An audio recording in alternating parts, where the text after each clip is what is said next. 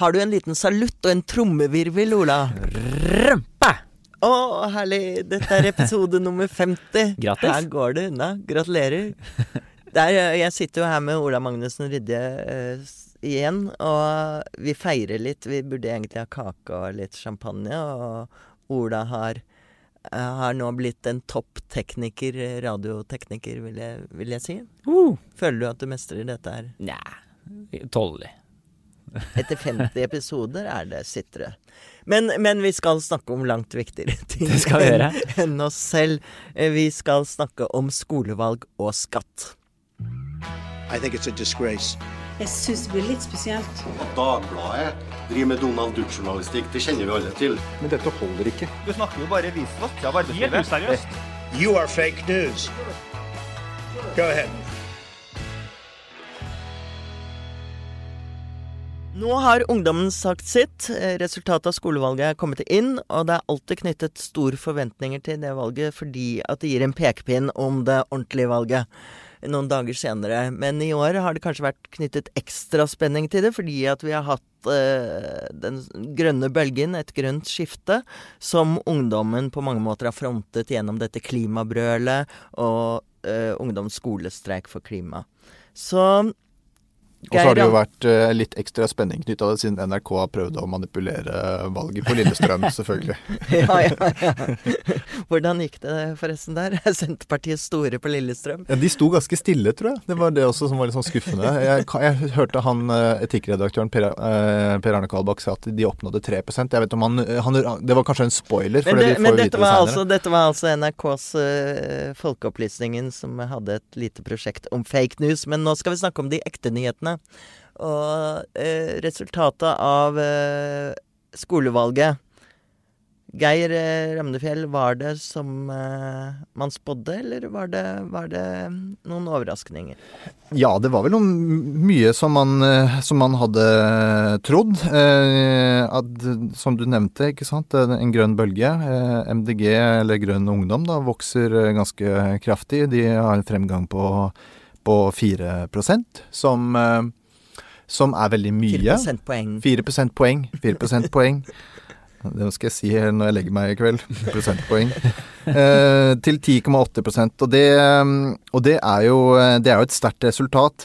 Eh, før vi kom i gang her, så diskuterte vi om de kanskje til og med hadde trodd de skulle få, eh, få mer. Og da tenker jeg at det kan hende at Venstre også har tatt litt av denne grønne, grønne Geir tar bølgen. det dirty trikset at han eh, tar ut debatten på den måten. Ja, nei, jeg, jeg mener jo at, eh, at de at de kan være ørlite skuffet. eh, fordi at den grunnen Det er jo virkelig De har jo en stor del av velgerne sine er unge. Eh, og det er ungdommene som støtter opp om det grønne skiftet, og MDG er i vinden på grunn av det. Og så fikk de 10,8 er sånn Det ligger omtrent på voksenlinja. Ja, altså i, i øvre sjikt av hva de, Ja, hva de øvre skikt. ja, altså de skal være ekstremt fornøyde hvis de får 10,8 i det ordentlige valget, men likevel så tror jeg de hadde håpet på at ungdommene støttet enda sterkere opp om dem. Det tror jeg nok også. Og jeg, og jeg tror det skyldes at MDG får mye sterkere konkurranse i, blant ungdomspartiene om eh, klimavelgerne. For der eh, har nok Venstre en veldig tydelig klimaprofil, og, eh, og også andre partier Venstre som gjorde jo sitt beste ungdomsvalg noensinne, skolevalg, eh, med 10,2. Det var ekstremt sterkt. Og, og, og jeg tror kanskje noen vil mene at det er cannabisvelgerne. Hva tror du om det, Ola? Nei, jeg tror ungdommen eh, har tatt et prinsipielt standpunkt mot uh, sensur og for ytringsfrihet, og velger å støtte Venstre for det. Uh, Får tolke det så i beste mening. Uh, eller så kan det også hende at de, veldig mange av de brenner for en mer human ruspolitikk, selvfølgelig, som gjør at du stemmer Unge Venstre.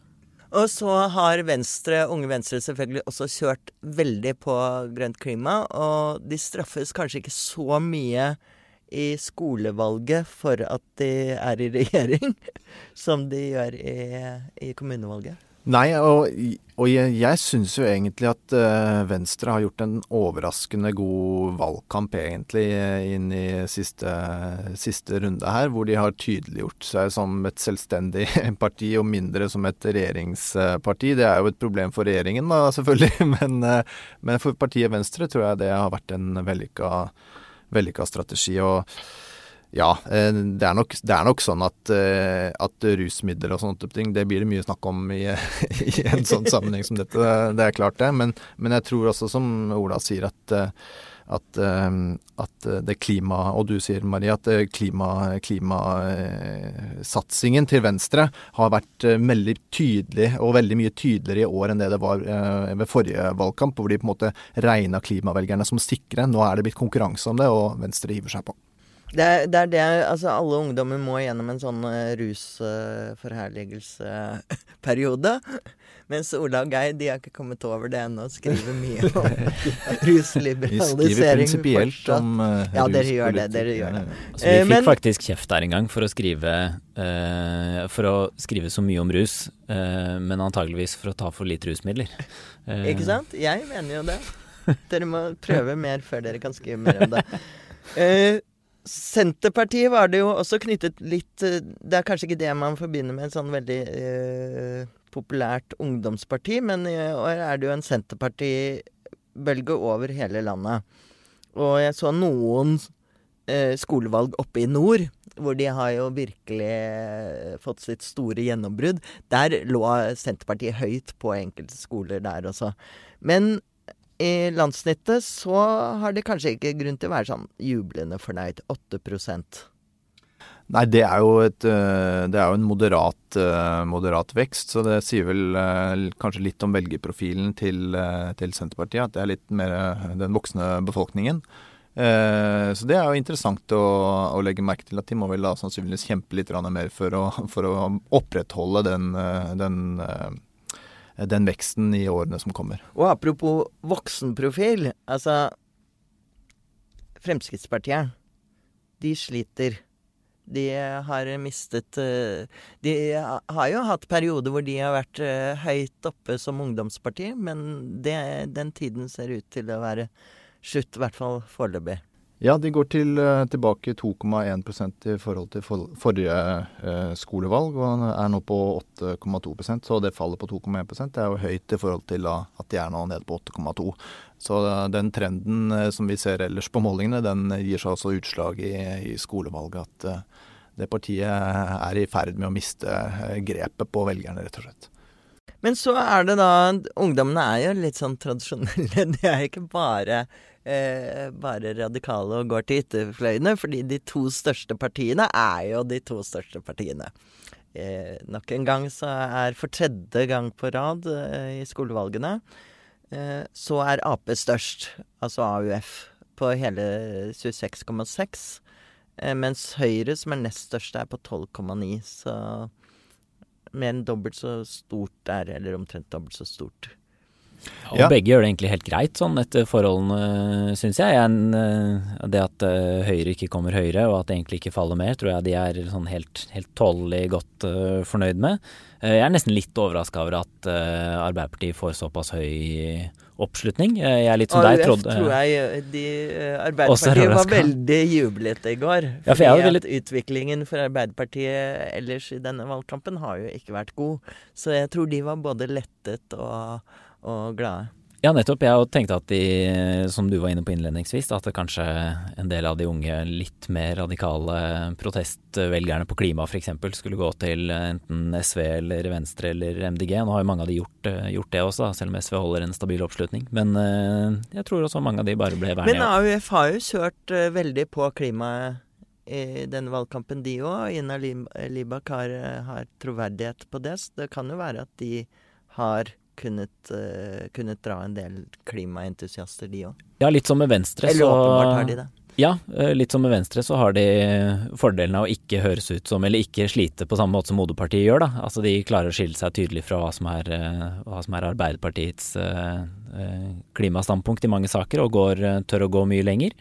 Og blir mye tydeligere, på samme måte som også Unge Venstre er i tydelig protest mot regjeringens mm. politikk på mange av de samme områdene. Men kan vi si at dette valget, i hvert fall skolevalget, eh, bekrefter det vi for så vidt har sagt hele tiden, at klimaet har fått sitt uh, virkelige gjennombrudd? En klar grønn profil på dette valget. Ja, det er ganske åpenbart. Og på velgerundersøkelsen 2017 så så man at innvandring var største sak, og så var klima litt lenger, litt lenger nede. Det vil overraske meg veldig hvis ikke klima kommer opp, og da, i hvert fall forbi innvandring. da. Eh, og, ja, hvis noe skulle være forbi, kanskje liksom transport pga. bompenger, jeg vet ikke. Men, men, men klima har nok helt klart fått, en, eh, fått et gjennombrudd.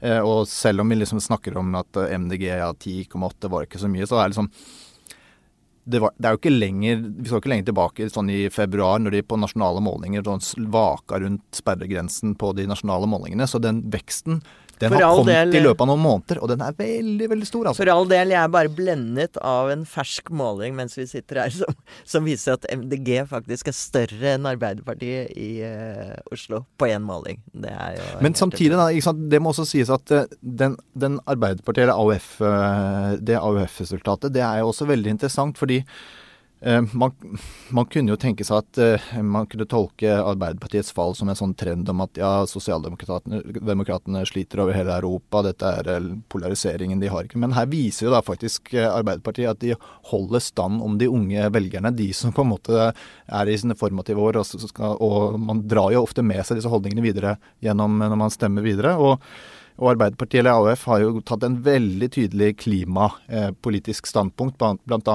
Eh, tatt til orde for en styrt avvikling av oljebransjen, som er høyst kontroversielt i arbeiderbevegelsen. Så dette er jo også et eh, tror jeg, viktig signal for partiet å ta med seg eh, videre. Definitivt. Nå, men disse som har stemt her, de kan jo ikke, de fleste av de i hvert fall, kan ikke stemme på stemme ved valg. og det blir jo da utfordringen om klimasaken også mobiliserer førstegangsvelgere og aller helst også annengangsvelgere. Det er lav valgoppslutning i denne velgergruppen, og særlig i kommunevalg. Så hvis noen av dere er i denne kategorien der ute, gå og stem.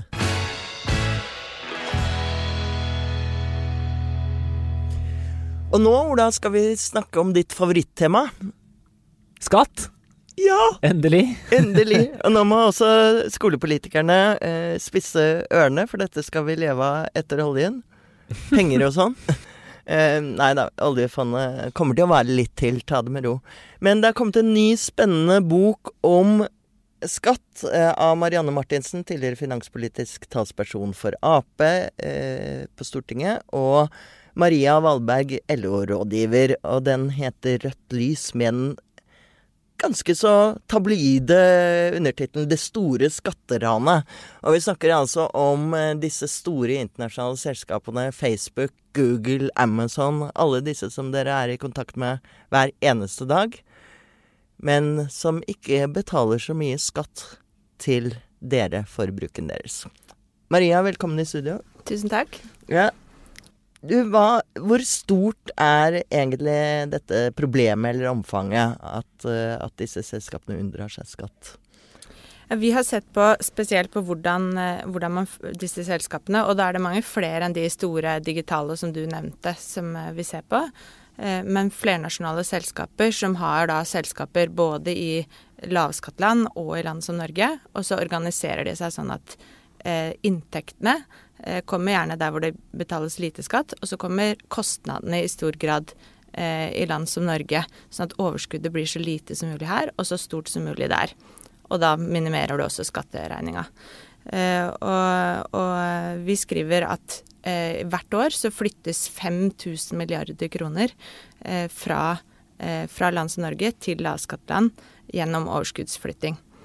Og bare for et land som Norge så er det ganske mye penger som forsvinner? Ja, da er det snakk om eh, rundt 40 milliarder kroner.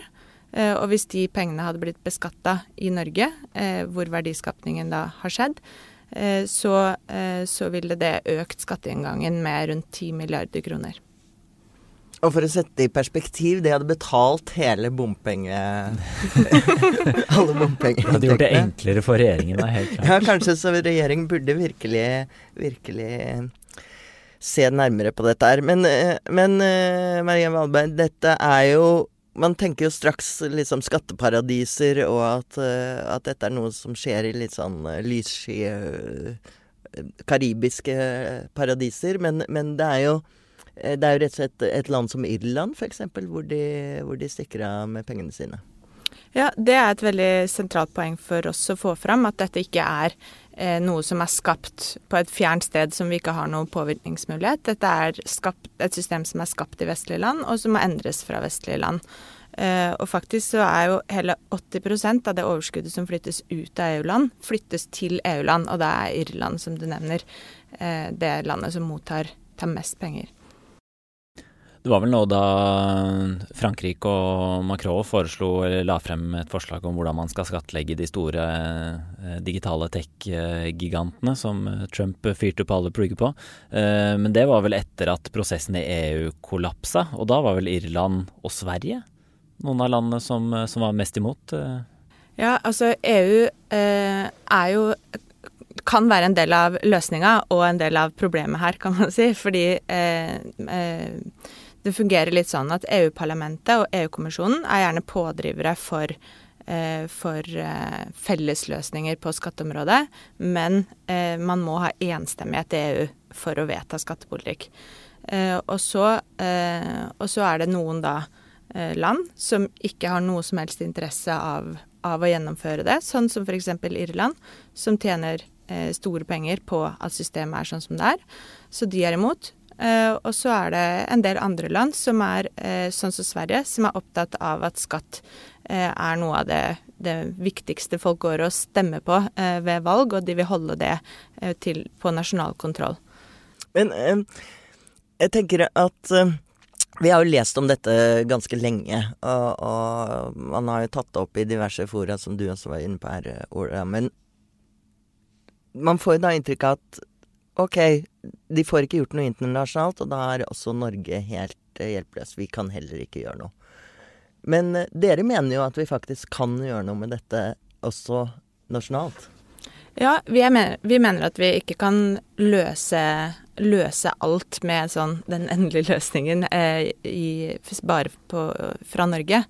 Eh, men at det er veldig mye vi kan gjøre, og at vi også, vil jeg si, plikter å finne Eh, løsninger som, eh, som eh, beskytter skattegrunnlaget i Norge bedre. Fordi det er et veldig viktig prinsipp at man skal bidra etter evne. Og, og, sånn som det er i dag, så er det de aller største og de med aller mest ressurser som klarer å organisere seg bort fra å betale skatt. For Dere beskriver ganske godt hvordan, hvordan dette uthuler hele skattesystemet mange måter, og at de får hjelp av gode hjelpere eh, som tilrettelegger for dette her. Og det er, eh, det er de store, store, gigantiske revisorselskapene f.eks. som vi kjenner fra før. Ja, flere av forslagene våre handler jo nettopp om å, eh, å få bedre kontroll og mer åpenhet. Eh, og et viktig ledd i det er å, å regulere de det vi kaller altså advokat- og konsulentselskapene, som, eh, som, eh, som, er da de aller største av dem, er jo sånn som PwC og Deloitte og EY og KPMG. Det er selskaper som, eh, som har som forretningsidé i stor grad å bistå selskaper i å organisere seg sånn at de minimerer skatteregninga, og finne på en måte veien da, og gjennom og i disse gråsonene for å, for å, betale så lite skatt som mulig. Uh, og en ting vi peker på, er at de har en litt sånn trippelrolle, de selskapene. Fordi de både uh, hjelper myndighetene når de skal lage lovgivninga på det området her. Og de hjelper selskapene med hvordan de skal organisere seg. Og så kommer de og reviderer de samme selskapene etterpå, når de reviderer regnskapene. og det gjør at de ja, vi mener at de trenger en, en, strengere regulering. Og disse selskapene hadde jo en uh, liten hånd med i finanskrisa, og nå er de i gang, gang, igjen. Så det viser seg at det lønner seg å, å kontrollere, kontrollere, de bedre, og ikke la de få frie tøyler. Men jeg er likevel nysgjerrig på du som har jobbet på Stortinget uh, og i Arbeiderpartiet. Hvorfor Hvorfor uh, tar ikke politikerne mer tak i dette her? Altså, det er jo Det er veldig store penger, og, og, det er snakk om en ganske sånn En kjerne i det norske skattesystemet. Hvorfor er det ingen som uh, har satt seg ordentlig inn i det? Jeg tror ikke det fordi de ikke bryr seg. Og når vi har møtt mange eksperter og sånn som, som, kan veldig mye om dette når vi har jobba med boka, så er, har har de kanskje gitt sånn uttrykk for at er det, bryr ikke politikerne seg? Nå har det vært avsløring etter avsløring, og så blir det ikke tatt tak i. Uh, og, og, det tror jeg ikke er riktig. Det er, det er folk, også politikerne har lyst til å gjøre noe med dette, og vil at skattesystemet skal fungere bedre. Men uh, det er jo komplisert, da. Uh, og, og så, så, det som ofte på en måte er gangen i det, er at man får avsløringer. Eh, politikerne er, fordømmer og er indignerte og osv. Eh, og så sier man at eh, her trengs det internasjonale løsninger. Eh, og så skyves eh, det over på den arenaen som, som går sakte, eh, og som absolutt har noe framgang, men, men, men det, det, gjør at ikke de nasjonale politikerne har tatt godt nok tak i det, mener vi da. Men hvis de leser boken deres, så har dere faktisk eh, løsningene? Ja. I all beskjedenhet. Dette har de balet med i, i årtier rundt hele verden, men uh, Maria Valberg og Marianne Martinsen har funnet løsningen. Uh, eller har i hvert fall 16 punkter som dere foreslår at uh, politikerne kan se nærmere på. Ja, vi har Altså dette er ikke en sånn smørbrødliste med alt vi kunne komme på. Det her er en, en, liste med ting vi mener at vil være effektive sammen. Så det er en prioritering da vi har gjort. Uh, og vi deler det inn i, i, tre deler. Hvor den første delen handler om uh, bedre skatteregler. Uh, Bl.a. det å skatte akkurat de, de transaksjonene, da, altså de overføringene som overskuddsflytting skjer via. Uh, og, og, så er det en del som handler om det vi kaller den offentlige markedsmakten. Eh, staten og, og, kommunene, det offentlige, er jo store eiere og investorer og har muligheten til å påvirke markedet gjennom den eh, innflytelsen man har. Eh, så det er forslag på det. Eh, og så er den siste delen eh, det som går på mer åpenhet. Eh, mer rapporteringsplikter, men også bedre regulering av de tilretteleggerne som vi snakka om i stad. Men utfordringen med skatt eh, er jo nettopp at den er internasjonal, og at man uh, ofte får en uh, konkurranse mellom de ulike landene. Så til syvende og sist så må man vel få på plass et internasjonalt system for å ordne med det. Er det, ja, det er jo for så vidt Man kan jo si at det er jo det er et internasjonalt system ja. i dag, det bare er ikke så veldig tilpassa eh, dagens situasjon. et som eh, funker. Men det systemet trengs jo å oppdateres, ikke sant. Eh, eh, og én ting som, som, vi trenger, og som det nå er ganske trøkt på, men som er viktig, særlig det dere snakka om innledningsvis med de store digitale gigantene, eh, fordi eh, det handler om hvem, hvilket land er det som egentlig har rett til å til å skattlegge et selskap i utgangspunktet. Og da eh, må man ha det som heter fast driftssted. Eh, og i, før i tiden så hadde jo alle som hadde fast driftssted, var jo til stede i det landet. Fysisk tilstedeværelse, som man kaller det. Og da, eh, og da var jo det Da var de der, på en måte, og da kunne man skattlegge dem. Men nå er det jo eh, flere selskaper som, som kan selge eh, via nett eller på andre måter som gjør at de ikke faktisk er til stede i det landet. Og det er ting som trengs å oppdateres, og som det trengs eh, å jobbes med internasjonalt. Og som OECD har, har et arbeid gående på. Hvis man skal forestille seg hvor vanskelig dette er, så kan man jo prøve å få kontakt med Facebook i Norge, f.eks. så ser man at dette er en slippery slope. Men, eh, men, jeg vil gjerne ha disse ti milliardene, så eh, Maria, når kan vi få tak i de? Ja, vi har i hvert fall begynt nå med å komme med noen forslag som vi tror at, at vil funke. Eh, og så eh, skal vi reise rundt og holde foredrag i alle slags leire og, og små smålag og ledergrupper og rundt omkring. Så vi håper å få i gang en ordentlig debatt om det her, eh, og, og gjennom det få til en endring. Og det kan bli Arbeiderpartipolitikk? Du kjenner jo til Arbeiderpartiet? Jeg mener absolutt at dette bør kunne være god Arbeiderpartipolitikk. Ok, Jonas Gahr Støre, der hørte du den eh, fra dine tidligere rådgivere. Og det haster faktisk. Ellers så får vi flere bompengeopprør, og jeg orker ikke en valgkamp til med det. Vi må ha penger andre steder fra. Tusen takk, Maria Valberg, for at du kom i studio. Takk for meg. Og takk for at du hørte på Siste med Marie Simonsen. Neste gang du hører ordet av meg, så er eh, valget gjort og dommen falt. Og det skal vi selvsagt diskutere. God helg.